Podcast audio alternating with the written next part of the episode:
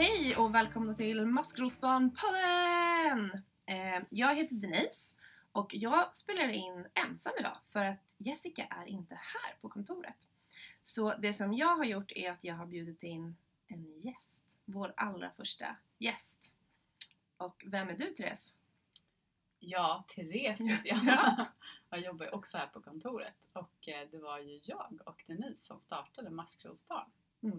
Så jag jobbar med eh, utveckling idag. Jag heter utvecklingschef. Mm. Så att jag jobbar med olika nya projekt som vi har på Maskrosbarn. Jag träffar mycket ungdomar och är ute och pratar mycket om organisationen för lärare, för socialtjänst och folk som ger oss pengar och sådär. Välkommen till vår podd. Tack så mycket! Kul att du är vår första gäst. Eh, innan vi börjar prata om vad en utvecklingschef är och så här, vad vi gör på maskrosbarn och sånt så brukar vi alltid köra en BTS. Och det är ju som du vet, och som kanske många vet, en botten, toppen, stolt. Mm. Ja. Och jag tänker att vi kör en BTS över eh, senaste veckan. Mm. Så från och med förra tisdagen. Mm. Mm. Vill du köra först? Från förra tisdagen. Ehm, då är min toppen att jag eh, just nu har min tioåriga brorsdotter på besök. Hon bor hemma hos mig för hennes pappa är utomlands. Och vi har ju pysslat hela veckan. Mm. Så igår så göt vi ljus för första gången och det var jättekul. Jag älskar att pyssla. Så det var min toppen. Du är ju pysselmanisk. Det är jag. När jag inte jobbar pysslar jag. Ehm, botten är ju definitivt att vi inte haft någon värme på kontoret senaste veckan så det har varit iskallt. Så igår så gick jag inlindad i en filt som en liten larv och frös. Det var jättetråkigt. Mm. Ehm, jag är stolt över att jag har gjort lite tråkiga saker på jobbet igår, så här som man inte vill, men som jag gjorde ändå. Mm. Bra jobbat. Tack. Min botten är nog faktiskt också att det varit så jävla kallt på kontoret. Det var ju något batteri som hade spruckit Mm. eller något så att eh, man har ju frusit ihjäl. Och det resulterade i att jag blev sjuk. Nej. Ja, jag är frisk nu men jag blev sjuk så här över en dag och ont i halsen. Och att man fryser. Min toppen är nog... Vad är min toppen? Kanske att jag hade en jättebra helg. Jag har varit sjuk i typ en månad eh, och inte orkat träffa folk och nu träffar jag jättemycket folk och det var jättekul och jag fick jättemycket energi. Och stolt. Vad är jag stolt över? Mm. Ja, men jag har ju börjat jobba med helgläger här och det kommer vi berätta mer om sen vad det är. Men jag har inte jobbat med helgläger innan så nu har jag de här dagarna som har varit, ja sen förra veckan egentligen, satt mig in i det jättemycket och nu har jag äntligen förstått för jag trodde jag skulle bli galen där ett tag för jag förstod ingenting. Så det är jag stolt över. Mm. Tack. Tack. Tack. Ehm, och om man undrar någonting eller om man har förslag på tema så är det som vanligt eh, bara att mejla på podd at maskrosbarn.org. Vet du hur podd stavas Therese? Jag tror att det stavas P-O-D. Nej. 2D? 2D! Ah, shit. Det är podd på svenska nu. Ja. Så podd at maskrosbarn.org. Grymt. Det går också bra såklart. Och kommentera på Facebook om man vill höra eller så.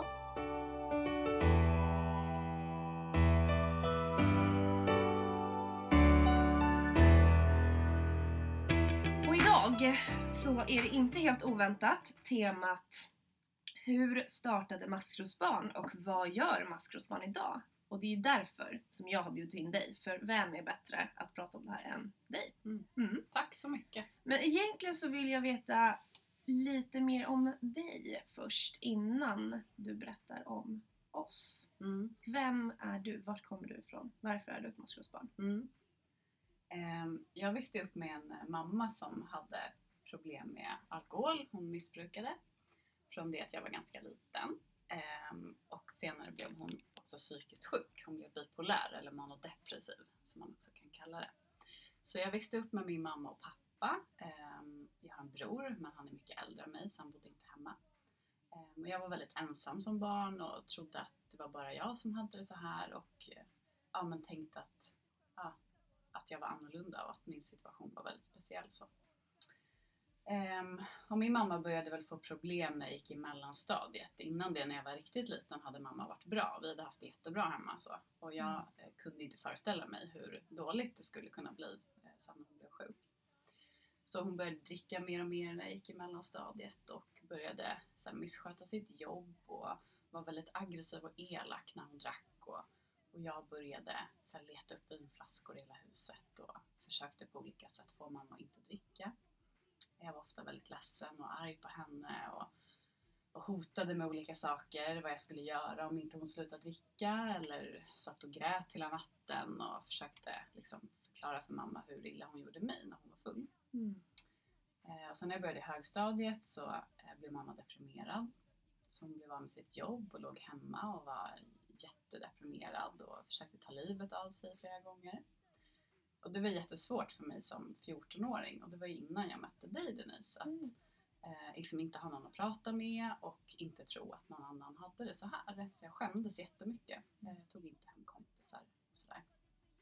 Och så försökte jag vara som vem som helst i skolan och så berättade inte för någon.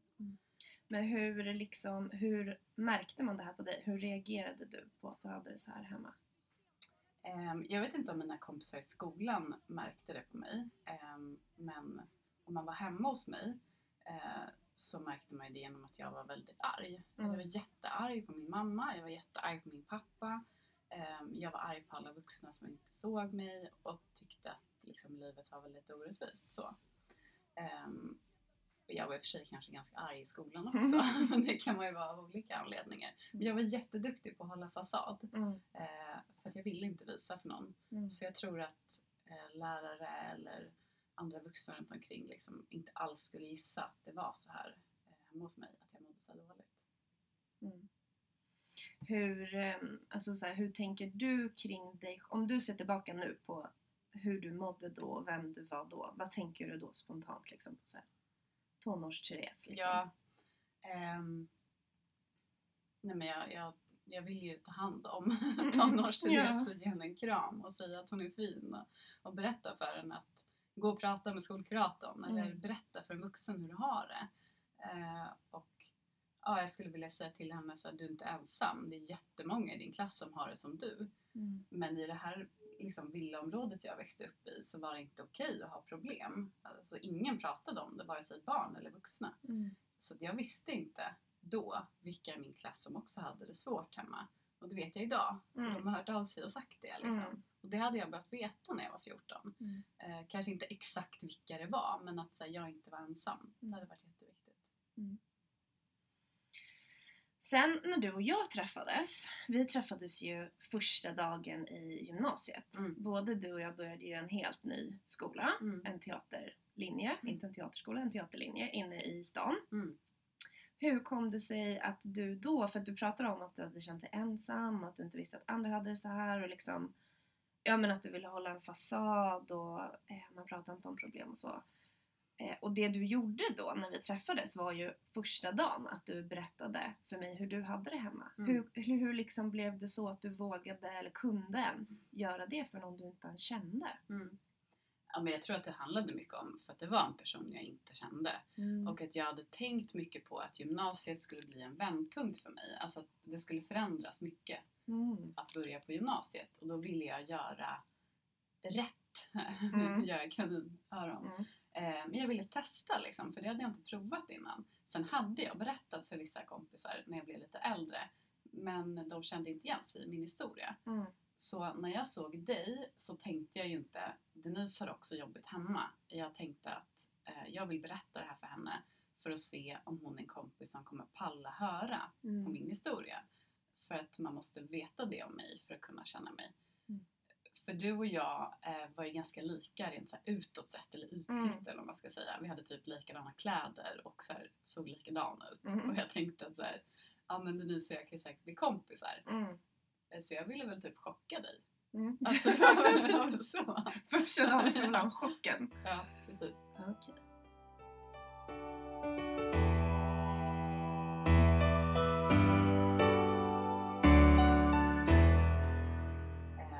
Sen så, eh, medan vi gick i gymnasiet så hade ju både du och jag det väldigt jobbigt hemma och behövde varandra mycket. Mm.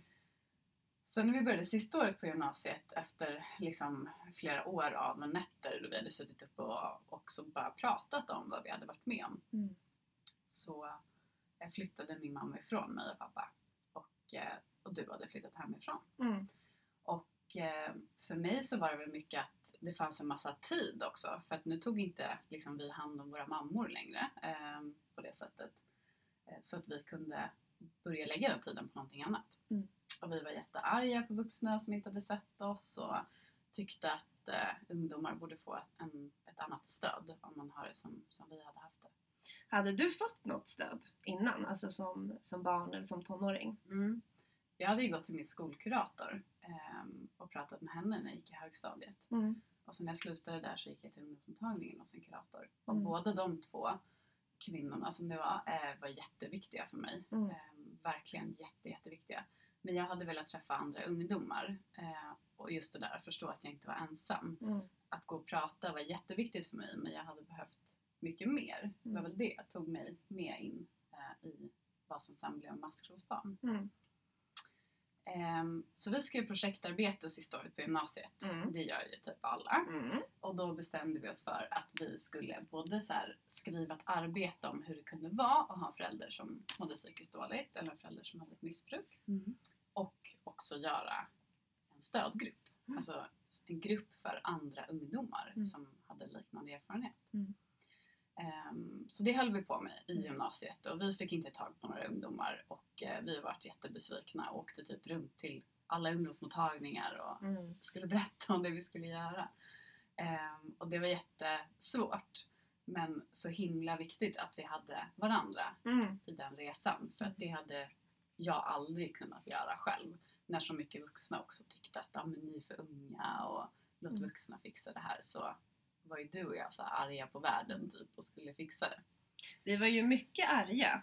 Och sen så kommer jag ihåg också att en stor del av liksom projektarbetet, tänker jag i alla fall, var ehm, att man liksom, eller att vi, för vi tog ju reda på mycket information om så här, psykisk sjukdom och Mm. missbruk och jag tror att det var lite också lite så här soul searching, att vi ville veta mer Absolut. om det här för säkert att förstå oss själva och så här, förstå i stort liksom. Och vi var ju väldigt förbannade. Ja. Väldigt mycket. Vi satt ju ofta och skrek och var arga. Ja, liksom. verkligen. Bara, Eh, Hur kan det vara så här? nej, men så här, ilska är ju en jättebra drivkraft. Mm. Ehm, sen så är inte du och jag arga idag på jobbet. Det är inte Nej. varför vi jobbar på Maskrosbarn. Men då var vi ju arga. Mm. Och så, så tänker jag att vi då också ville träffa andra ungdomar. Ehm, Ja, verkligen. att det var en del av det. Att liksom träffa fler. Mm. För vi visste ju hur otroligt många det var. Och så var det ändå bara du och jag som Mm. satt där och bara vart är de någonstans? Mm. Typ så var det ju. Hur många hade vi fått reda på att det var då? då? Förutom du och jag. Ja, förutom du och jag så visste vi eh, det var ungefär 25% av alla barn och ungdomar i Sverige. Mm. 500 000, en halv miljon. Mm. Så det kanske är 6-7 stycken i varje klass Mm. som kunde känna igen sig i våra historier. Mm. Eh, så det var jätte, jättemånga. Så förutom du och jag så var det ju kanske fyra personer till. Minst. I I vår klass, ja. liksom. Mm. Som hade precis liknande som vi. Mm. Mm. Ja, så vi eh, höll på med det här. Vi tog studenten. Mm. Ehm, och när vi inte fick några ungdomar till vår stödgrupp så tänkte vi att vi har gjort fel. Vi måste ut och prata om problemet. Mm. Ehm, vi visste ju att det var svårt att våga söka hjälp. Svårt att ta emot hjälp eh, när man tänker att man är ensam och annorlunda och så. Mm. Så vi började åka runt på olika gymnasieskolor i olika klasser och stod egentligen rakt upp och ner och berättade om det vi hade varit med, om. Mm. Och eh, berättade om, om maskrosbarn och vart man kunde söka hjälp och sådär. Ehm, så det gjorde vi mycket. Eh, och sen hade ju både du och jag andra jobb och reste och gjorde så andra grejer när vi var 18, 19, 20. Ehm, men vi drömde liksom alltid om att så här, tänk den dagen vi kan ha det här som jobb. Mm. Eh, och jag vet att vi fantiserade om att vi skulle ha någon Mm. lägenhet i någon Mm. förort. Eh, och det skulle vara du och jag och vi kanske skulle jobba halvtid sådär. Det var vår högsta dröm på den Och tiden. det var mycket så fantasier om kaffe också. Ja. Kommer du ihåg det? Det var lite... För ingen av oss drack kaffe då. Utan det, vi började ju ganska, när vi var ganska gamla med det. Det Mm. var mycket så här. Åh, vi ska glida in på det här mötet med en take away kaffe. Jag tror att det var någon så här vuxen symbol Absolut, kanske. det tror jag. Mm. Ehm, och sen så kom väl egentligen det första så här, genombrottet i att vi fick ett stipendium. Mm. Och då fick vi 50 000 kronor. Mm. Och då minns jag att jag bodde i Malmö, du bodde i Stockholm Mm. och du ringde och väckte mig eh, och skrek typ att Mm. de hade ringt dig och att vi hade vunnit det här priset. Mm. För det var det första pengen vi fick till Mm. organisationen. Mm. Och så första gången någon annan så erkände på något sätt att vårt jobb var viktigt. Mm. Eh, så då eh, så var vi med liksom alla stora medier. Mm. Vi satt i Nyhetsmorgon på TV4, vi var med i massa radioprogram och massa tidningar. Mm. Eh, och då kommer jag ihåg när du och jag ska gå på bussen på Odenplan tror jag. Och så går vi på bussen och då är vi med i Metro. Så då är Denise och jag på framsidan på Metro. Mm. Eh, och så ligger det så här massa metrotidningar över hela bussen. Och folk på den här bussen blir helt förvirrade när du och jag Mm. går på och så vet inte vart de ska kolla. Mm. Eh, och det minns jag verkligen så starkt som ett så stort minne. Mm. Ehm, och det gjorde ju såklart att massa vuxna och ungdomar och barn Mm. liksom fick reda på att föreningen fanns. Mm. Och det började höra av sig jättemycket folk till Mm. organisationen. Mm. Och vi började få lite mer pengar, lite mer föreläsningar och så. Mm. Ehm, men vi träffade egentligen inte ungdomar mer än när vi var ute och föreläste. Och Vi vågade ju, eller vi var ju lite ärrade också kanske av den här stödgruppserfarenheten. Ja. Att vi försökte dra igång någonting och så Mm. gick det inte så bra för att Mm. de vågade inte komma. Mm. Men hur var de här liksom, för nu pratar vi ändå om de första åren, de Ja. första kanske tre, fyra åren. Hur var de då? För nu låter det ganska glassigt så här, Ja. så gick det bra, så föreläste vi lite där och sen var med på TV och radio, tidningen överallt. Men hur var det egentligen Therese? Egentligen. Mm. Ehm, men det var sådär. Det var nice också. Och det Mm. var också jätteslitigt. Eh, för att eh, både jag och Denise hade ju liksom heltidsjobb och gjorde andra saker. Jag Mm. jobbade mycket på fritids och så. Och Denise jobbade mycket på kaféer. Och sen så fick man ju göra det här på kvällar och typ nätter och helger. Mm. Och försöka få ledigt från jobbet för att kunna åka till typ Ludvika och hålla Mm. sju föreläsningar för olika Mm. högstadieklasser. Och sova i en friggebod som var Mm. iskall hos rektorn typ. Mm. Så att vi kunde ju inte ta ut någon lön överhuvudtaget från Mm. maskrosbarn. Så vi jobbade ju gratis i fyra år Mm. och la ner all vår tid, vakna tid på föreningen. Mm. Ehm, men det var ju samtidigt jätte, jätte, jätteroligt. Mm. För så glad som jag har blivit och fortfarande kan bli över saker som händer, det kan inte jag bli någon annanstans tror jag. Mm. Eh, om man tänker första gången när vi var med på Nyhetsmorgon som också var så här jättestark dröm för oss. Mm. Tänk den dag vi får vara med i Nyhetsmorgon. Mm. Och så var vi det. Det var ju Mm. så här asmäktigt verkligen. Det hände ju så mycket där tänker jag att man kunde knappt så här hänga med Mm. heller. Utan det bara hände och hände och hände och sen hörde den här av sig och den. Och det var ju svårt för oss i början, eller det tog ju ganska många år. Även om vi alltid har varit ganska bestämda och vi vet vart vi vill och vi vet vart vi tycker, eller vad vi tycker liksom. Så var det ju svårt när så många människor hörde av sig och Mm. många liksom vill hjälpa till eller Ja. gör så här eller kom till oss eller gör det liksom. Ehm, och att man kanske ehm, ja, men tog på sig ganska mycket. För jag kommer ihåg vår allra, allra, allra första föreläsning eh, som var på en socialtjänst. Jag kommer ihåg att du och jag var där och det var första gången vi skulle prata och det var för massa vuxna och vi var ju astaggade. Men efter det så var vi ju helt uttömda. Mm. Alltså vi gick ju hem, vi kunde ju knappt prata med varandra på vägen hem. Vi gick ju bara hem och sov liksom. Så det var ju tufft i början. Och så tufft att starta en förening också. Verkligen. Hur gör man det? Mm. Hur vet man hur man gör det? Mm. Vad menar Skatteverket egentligen? Och vad är ett organisationsnummer? Liksom? Mm. Det var ju sånt som inte vi fattade. Det tog ju lång tid. Liksom. Men nu vet vi ju allt om det. Så att om Ja. någon där ute undrar hur gör man så kan man ju mejla till oss så kan jag svara på det. Ja, det kan du göra. Men okej, det där var de första åren. Vad hände sen? Liksom? Hur blev vi större? Ja, ehm, vi bestämde oss eh, efter då typ fyra år att vi skulle ha läger. Ehm, och inte göra en stödgrupp igen Mhm. utan ha läger. Ehm, så det var den första aktiviteten som vi gjorde. Mhm. 2009 hade vi vårt första läger. Ehm, och då var det också första gången som andra vuxna eh, jobbade i organisationen. Vi jobbade ju gratis allihopa, Mm. men som engagerade sig. Och då träffade vi 20 ungdomar den sommaren eh, och hade läger. Och det var verkligen helt fantastiskt. Eh, vi kommer att prata mer om läger. Mm. Men den hösten så blev vi anställda för första gången. Eh, och då var det både du och jag och sen så var det två till. Så vi var helt plötsligt fyra pers som jobbade på Maskrosbarn Mm. för att vi hade fått eh, ett bidrag, Mm. pengar. Coolt. Ja, det var jävligt coolt. Ja.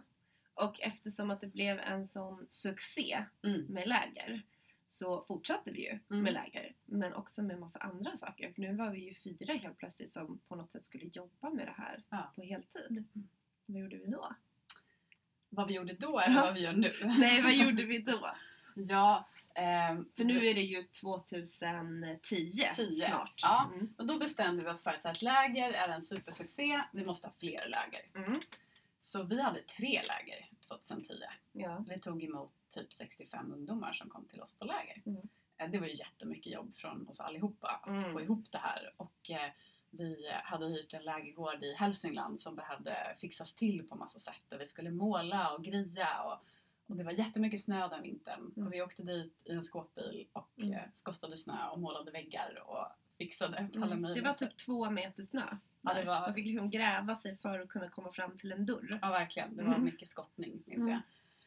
Ehm, och, eh, så vi mötte alla de här ungdomarna den sommaren ehm, och blev ju också påminda om att vi, vi behöver göra mer än att bara träffas på sommaren. Mm. Så vi bestämde oss för att ha läger på typ varje skollov Mm. så vi kunde träffa de här ungdomarna flera gånger. Mm. Ehm, och vi började också träffas eh, i, framförallt i Stockholm Mm. där vi har kontoret Mm. och började göra olika aktiviteter på, på vardagar också. Mm. Och i år, eller ja egentligen inte för nu är det 2016, Mm. men det är ju precis i början av 2016. Så förra året, 2015, så firar ju vi faktiskt 10 år. Mm. Vi är inne på vårt elfte år nu i föreningen. Ja, herregud. Det är helt galet. Mm. Eh, så vad gör vi nu? Vad är Maskrosbarn idag och vad liksom gör vi och vad kan man få för hjälp? Mm. Ja, vi är 15 personer som arbetar på Maskrosbarn idag. Eh, Så det är jag, jag, Denise och 13 till. Mm. Eh, Det är ju verkligen jättehäftigt. Mm. Eh, Och vi jobbar ju på kontoret alla vi. Mm. Ehm, Och två av dem kommer jobba i Göteborg. Mm. Så de har precis börjat jobba. Mm. Och sen så finns det typ 100 stycken andra vuxna som Mm. jobbar på läger och som gör olika saker. Så vi är massor av människor nu. Det är asballt. Ehm, och vi gör olika typer av projekter, man ska säga. Mm. Eh, och läger är fortfarande en jättestor del av det vi håller på med. Mm. Eh, så vi har läger på typ nästan varje helg och eh, på alla skollov. Mm. Så det är två olika projekt. Mm. Antingen så går man på läger på loven, Mm. lovläger, eller så går man på läger på helger. Mm. Ehm, och när man är på läger så är man mellan 15 och 25 ungdomar i en grupp och det är massa vuxna som jobbar. Mm. Och vi har också eh, praktikanter och ungdomsledare som vi kallar det, som har varit deltagare själva på läger när de var yngre, men Mm. som jobbar i organisationen idag. Mm. Eh, så det känns ju som att det är läger eller förberedelse av ett läger hela tiden. Ja, jag jobbar ju med just lovläger och helgläger så jag jobbar ju med allt som har med läger att göra så det är ju ja, läger exakt hela tiden. Men det är ju mysigt för att det är ju också så här på något sätt vårt hjärteprojekt Mm. eftersom att det var det första som vi gjorde Mm. som var liksom organiserat stöd i att ungdomar. Så att det är ju så fint också att det lever kvar och att vi fortfarande tycker att det funkar och att det är jätteviktigt. Och, Mm. Ehm, ja men att vi hittar mycket folk som börjar jobba här sen i läger som du sa att man då när man har gått på läger ett par år kanske kan bli praktikant och sen kanske man kan bli ledare och så. Det är ju precis så som, som vi tycker att det ska gå till. Vi Mm. vill ju växa liksom ifrån ungdomarna. Och tre av de 15 personerna som jobbar på vårt kontor är ju tidigare lägerdeltagare Mm. som är vuxna idag, Mm. som jobbar på kontoret. Det är ju jättehäftigt. Mm. Men du jobbar ju med läger och det gör ju inte jag, så därför ställer jag dig en fråga. Mm. Vilka kan komma på läger? Ja, precis. Det beror på vilket läger man vill komma på. Ehm, om man vill komma på lovläger så ska man vara mellan 13 och 15 år. Så i år, 2016, så ska man vara född 02, 01 eller 00. Jäklar. Mm. Ehm, och då kan man söka via vår hemsida och då kan man bo precis vart som helst i hela Sverige. Det spelar ingen roll. Man behöver inte ha haft någon kontakt med socialtjänsten, man behöver inte ha någon diagnos på sina föräldrar utan det är liksom så här, tycker du att du känner dig som ett maskrosbarn, ja sök på läger då. Eh, så anmäler man sig på hemsidan och sen så ringer jag upp och eh, berättar lite om vad man kommer göra och när det är och så. Det är ju på sommaren man börjar alltid. Och sen så är man välkommen tillbaka i eh, fyra år på läger på varje lov då. Så på hösten, på julen, på påsken och så vidare. Sen har vi ju helgläger som fortfarande är relativt nytt. Vi startade ju det för eh, ett och ett halvt år sedan. Ja, ett år sedan, ish. Ehm, och det är ju på helgerna och då har vi liksom brutit ner ett sommarlovsläger eh, på ett år kan man säga. Så att man får gå fem läger på ett år, fem helgläger då och det är här i Stockholm för tillfället. Ehm, och vi har ungdomar, mest från Stockholm, men vi har också någon sådär som kommer någon annanstans ifrån. Ehm, och för att komma på helgläger däremot, då måste man ha kontakt med socialtjänsten eller ta kontakt och det hjälper ju vi såklart till med och även om man har kontakt redan så hjälper vi till med att prata med en socialsekreterare och skicka in en anmälan och så. Ehm, så så är det. Så just nu är det i Stockholm men det kommer väl förmodligen, planen är väl att öppna upp runt omkring Göteborg sen. Uh, så så ser det ut. Och man kan ju läsa mer på vår hemsida om det här eller mejla till mig Mm. om man undrar mer. Ja, för att om man sitter och tänker nu att så här, jag skulle vilja gå på någon typ av läger men jag vet inte hur jag gör. Mm. Och anmälan till sommarläger och till helgläger kanske inte, man kanske inte hittar det på hemsidan. Nej. Vad gör man? Då kan man mejla till mig på denise.maskrosbarn.org Så kan man mejla till mig där eller så hittar man mitt telefonnummer på hemsidan. Och så ringer man eller så smsar man. Men hur gör man då, då om man skulle vilja åka eh, och så tänker man att mina föräldrar kommer aldrig gå med på det här. Eh, eller så har man pratat med sina föräldrar och de eh, vill veta mer eller ja, kanske till och med säger nej. Måste föräldrarna veta att man åker? Ja, det beror ju på hur man bor, tänker jag. Bor man tillsammans med båda eller en av sina föräldrar så måste det ju vara så att eh, en av dem som är ens vårdnadshavare skriver under på en sån här liten hälsodeklaration som vi skickar hem. Ehm, och vi vill ju jättegärna hjälpa till med det för det är många föräldrar som är svåra att övertala i början och de vet inte vad vi är eller vad vi jobbar med och vad kommer mitt barn att göra här och sådär. Eh, och då så kan man ju, eller vi brukar ju prata med dem då. Jag har ju kontakt med alla föräldrar. Eh, och berätta vad vi gör och det är ett läger och alla våra läger är helt gratis också för ungdomarna så eh, man behöver inte betala någonting själv och det brukar ofta vara en liten så här positiv grej som föräldrar tycker att ja men vi tar hand om det liksom. Ehm, och vi kan berätta liksom att vi är jättemånga vuxna som är där så att det är liksom safe, det kommer inte hända någonting och vi har mycket utbildning och erfarenhet. Ehm, och så.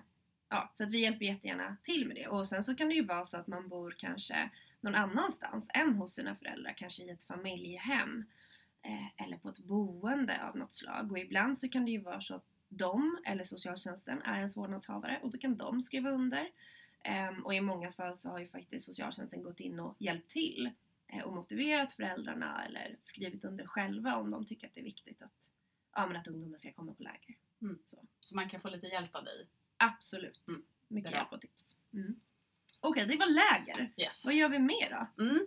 Eh, sen så gör vi både saker på nätet och Mm. saker i olika städer. Och på internet eh, så har vi två projekt som man kan eh, få hjälp i. Och det ena är att vi har en chatt Mm. och den brukar vara öppen fem kvällar i veckan. Mm. Det står alltid på vår hemsida vilka tider och vad personen heter som chattar. Så det kan man kolla på vår sida. Mm. Och då chattar man på Skype. Mm. Eh, Det brukar vara två timmar på en kväll. Eh, Och då får man prata om precis vad som helst. Det är du som bestämmer. Eh, Och man kan också vara helt anonym. Så man behöver inte berätta vad man heter och vi kan inte spåra det på något sätt. Mm. Och i chatten så jobbar volontärer, så de jobbar gratis. Mm. Eh, Och de är ju självklart också maskrosbarn, Mm. precis som alla andra som jobbar med stöd. Ehm, Så det kan man göra. Man kan också få en egen stödperson ehm, på nätet. Mm. Stödperson på Skype ehm, kallar vi det. Mm. Och det står också massa om det på vår hemsida.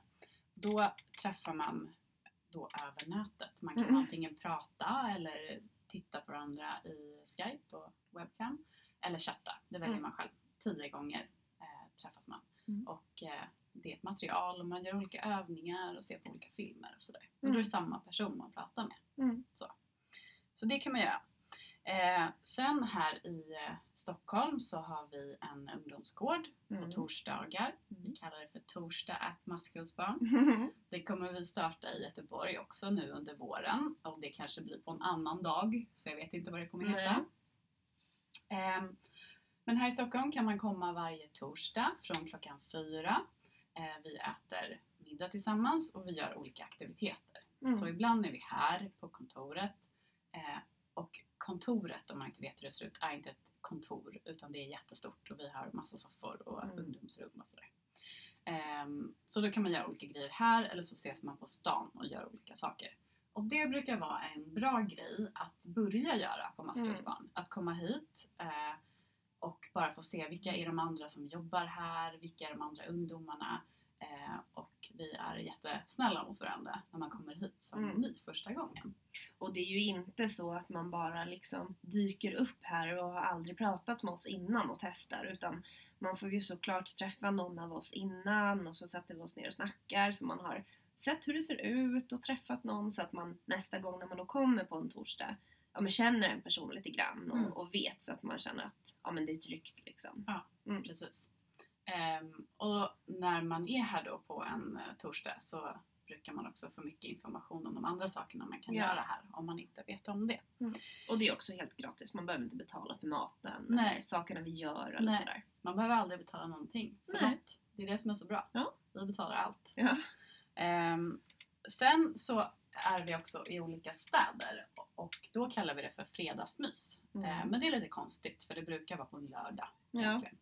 Eh, och det är olika städer eh, och det kommer också stå på vår hemsida vilka städer vi är i år. Mm. Men eh, förut så har vi varit i Göteborg och i Stockholm och i Malmö, Gävle.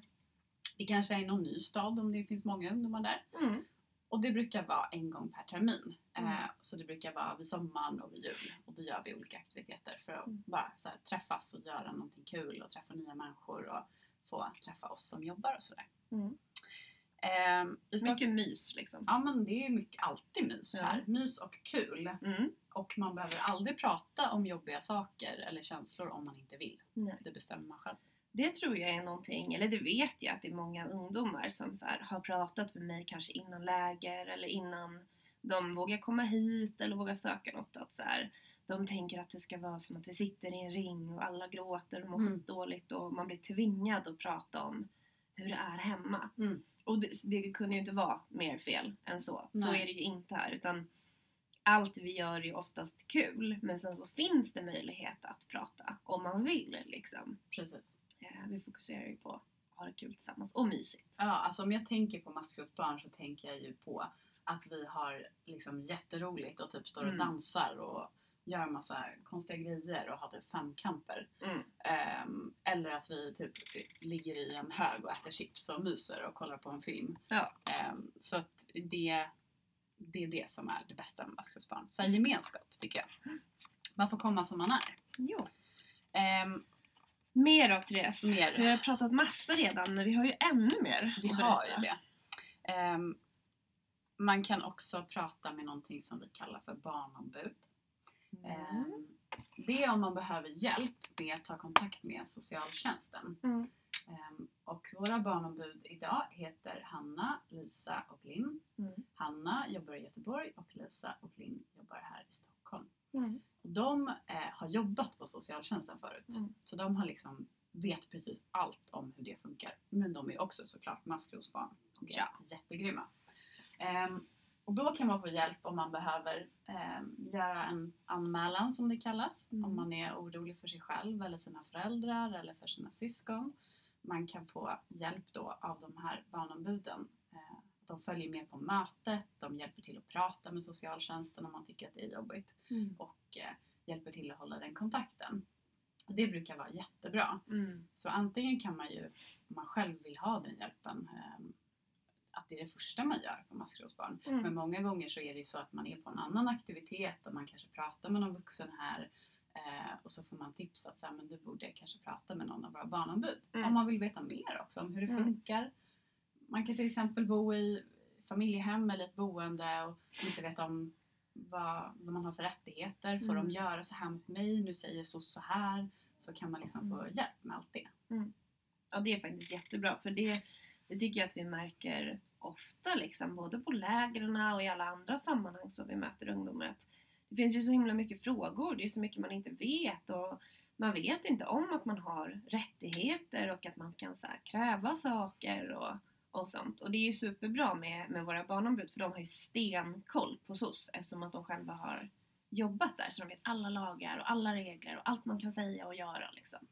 Och Så står, och står alltid på din sida. Ja. Eh, och det är det som är så himla viktigt. Alltså, de gör allting för din skull Mm. och eh, kommer att hålla med dig. Liksom. Mm. Eh, så de kommer inte finnas där för dina föräldrars skull eller för socialtjänstens skull utan för din skull för att det ska kännas bättre för dig.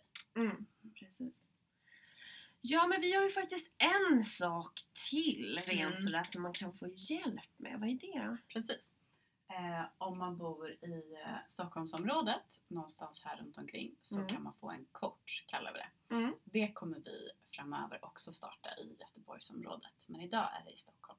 Mm. Eh, och det är också en sak som man får ifrån socialtjänsten. Mm. Så man behöver ha en kontakt eller ta en kontakt med socialtjänsten. Det kan Mm. vi också hjälpa till med.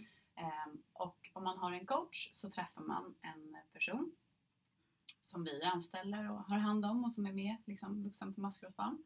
Mm. Man träffas varje vecka Mm. och man gör olika saker. Man gör ibland aktiviteter tillsammans men man pratar också och gör olika övningar Mm. eh, och kan träffas under ett år och ibland så träffas man under flera år. Mm. Och så träffas man tillsammans med de andra coacherna och ungdomarna och gör olika aktiviteter. Sådär. Mm. Det brukar vara en jättebra grej. Och alla coacher är ju maskrosbarn, såklart. Nu har vi Såklart. sagt det många gånger. Ja. Mm. Okej, det är ju väldigt mycket man kan göra här om man har lust. Och nu kanske man är helt förvirrad. Ja, och allting står på hemsidan. Eh, och hittar man det inte på hemsidan så mejla till oss. Ja. Eh, eller skriv på Facebook eller eh, ring eller sms eller något om det är någonting som är sjukt oklart. Mm. Eller om man inte hittar det man behöver hitta. Mm. Men okej, det där var alla våra liksom så här stödgrejer eller vad man kan göra som ungdom. Mm. Men vi är ju faktiskt inte bara en stödorganisation utan vi är ju en barnrättsorganisation. Mm. Ja, det är coolt att kunna säga det. Verkligen. Men vad är en barnrättsorganisation? Eller vad är maskrosbarn? Vad gör vi mer? Hur Mm. jobbar vi med barnrätt? Vad är det ens? Ja, Många frågor där från Många mig. frågor. men vi tänker så här att vi ska och vill och tycker att det är fantastiskt att ha stöd för Mm. ungdomar. Men vi kommer aldrig hinna eller kunna träffa alla ungdomar i hela Sverige. Och de här ungdomarna kommer också träffa andra vuxna. Typ Mm. kuratorer, lärare, eh, socialtjänsten, kanske psykologer på BUP eller så. Eh, och de allra flesta är eh, jättebra, grymma, gör det verkligen av rätt orsak. Mm. Men har kanske lite svårt ibland att eh, nå fram till ungdomar. Mm. Man pratar olika språk, man beter sig på ett helt annat sätt när man är vuxen. Och man kanske inte har fått veta vad ungdomar tycker är viktigt i Mm. de här mötena. Så vi tänker att vi måste typ utbilda alla de här vuxna i vad barn och ungdomar vill ha. Så mycket av det gör vi i påverkan. Mm. Eh, vi intervjuar ungdomar väldigt ofta i olika frågor och frågar så här, vad tycker du är viktigt? Mm. Vad tycker du är viktigt när du kommer till socialtjänsten första gången? Eh, vad tycker du är viktigt att lärare tänker på om de ska prata om eh, missbruk och psykiska sjukdomar i skolan? Mm. Till exempel. Och så samlar vi ihop allt det här och så åker vi land och rike runt och berättar det här för vuxna och utbildar dem. Och de tycker alltid att det är jättespännande och blir så jätteglada för att de får höra vad barn och ungdomar tycker. Mm. Och vi träffar massa politiker och vi försöker påverka olika lagar så att det ska bli bättre för de ungdomar som vi träffar. Mm. Så typ hälften av oss som jobbar på maskrosbarn, vi gör mycket sådana saker. Mm. Är ute och träffar andra vuxna Mm. och försöker se till att de blir bättre på att möta ungdomar. Mm. Kul. Ja, Du det- gör ju mycket sånt till exempel. Ja. Mm. Det är jätte, jätteroligt, Mm. verkligen. Kul, kul. Är det någonting mer vi gör här? Som vi har glömt att säga? Eller har vi sagt allt liksom? Nej, vi har inte sagt Vi har allt. inte sagt Verkligen allt. inte. Nej. Eh, så vi gör ju säkert massa andra saker. Mm. Men det räcker så. Vi har babblat på Verkligen. länge. Mm. Eh, ja, men vad kul att du var här Therese. Eh, vår allra första gäst. Och nu hoppas jag att ni har lite mer koll på Ja men dels vad ni själva kan få för hjälp om ni vill ha det eller stöd och eh, så här, vad, vad en barnrättsorganisation är och vad maskrosbarn är och vad vi gör. Eh, innan vi avslutar Therese, har du liksom, om, om man känner igen sig i det här eller du sa ju lite förut så här, vad du hade velat säga till dig själv när du var yngre. Mm. Men om det sitter massa personer och lyssnar på det här nu, eh, har du något tips till dem och de känner igen sig eller vill ta kontakt? Liksom? Mm. Eller kanske har en kompis Ja. som behöver få kontakt Mm. eller en pojke eller flickvän som, Mm. som behöver ha kontakt. Eller så kanske man är vuxen och lyssnar på det här och tänker att jag har en ungdom som behöver ta Mm. kontakt. Ehm, ett tips, första tipset är att gå in och titta på vår hemsida. Mm. Eh, för där finns det både massa information men det finns också länkar till olika filmer och Mm. eh, ungdomsbloggen till exempel. Ja, där bra. andra ungdomar eh, har skrivit om olika känslor och händelser Mm. som man kan känna igen sig i. Bara så man får så här, läsa på mer och få så här, känna igen sig. Det eh, är viktigt. Eh, och sen så tänker jag att eh, ett bra första steg brukar vara att ta kontakt med våran chatt. För den Ja. är öppen så många kvällar i veckan. Den är också öppen på alla högtider. Så här på Mm. julafton och midsommar och nyår. Och så. Eh, så där är det jättebra att ta sin första kontakt. Så kan ju också den personen, en vuxen som sitter i chatten, berätta mer om men gör så här om du vill ha kontakt med ny som läger eller Mm. det här är adressen till kontoret, dit kan du gå. Eh, eller tipsa om olika saker som finns i den staden där du bor.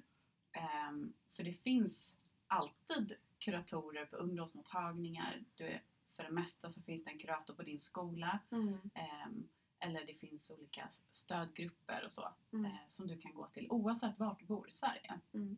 Ehm, så jag tänker att berätta för någon om hur du känner är det första steget. Mm. Och det kan vara för en kompis eller för en vuxen runt omkring dig.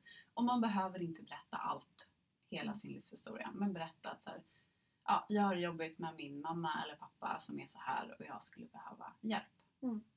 Bra tips. Ta kontakt. Mm. Tack så jättemycket för att du kom och var gäst och eh, berättade om dig och om vad vi gör.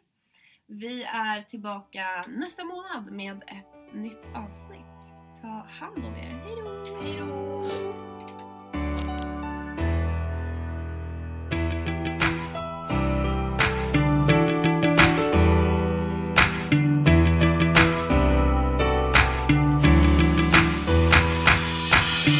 Du kan klättra så högt som du vill Det är ditt liv, ingen annan säger till Sikta mot toppen, dit du vill nå. Fortsätt att kämpa, du vet att det går. Du kan klättra så högt som du vill. Det är ditt liv, ingen annan säger till. Sikta mot toppen, dit du vill nå. Fortsätt att kämpa, du vet att det går. Det finns så mycket skit som händer hela tiden. Men vi är skapta för att överleva livet. En svår uppväxt med rädsla och hat. Men vi var för små för att kunna slå tillbaks. Gått igenom smärta och tårar dag för dag. Men vi lever än idag för vi är maskrosbarn Vi kämpar för att kunna ta oss vidare. Vi är starka, tillsammans är vi krigare. Vi borde inte skämmas, vi ska vara stolta. För det finns folk som inte fattar hur vi orkar. Vi ska kämpa, vi ska klara. För maskrosbarn är vi födda till att vara. Ett maskrosbarn slutar aldrig kämpa. De försöker fast de kan få vänta. För det är det som gör oss starka och unika. Enskilda individer olika men ändå lika. Du kan klättra så högt som du vill. Det är ditt liv, ingen annan säger till. Sikta mot toppen, dit du vill nå. Fortsätt att kämpa, du vet att det går. Du kan klättra så högt som du vill. Det är ditt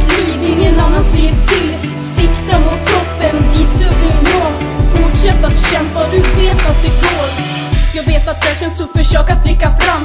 Finns ju för att kunna ta hand om varann. Känner liknande känslor om hur kärlek blev hat. När dagarna blev tunga bestod av skrik och prat. Om det är en tröst har vi gått i samma spår.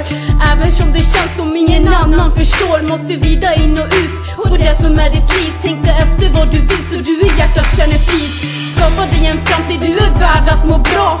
Kolla på Therese och vad hon blivit idag. Hon har varit som du, legat i botten på ett hav Men kämpade sig upp och skapade maskrosbad Hennes ord är så sanna, precis som hon sa. Även om man mått väldigt dåligt kan man må väldigt bra.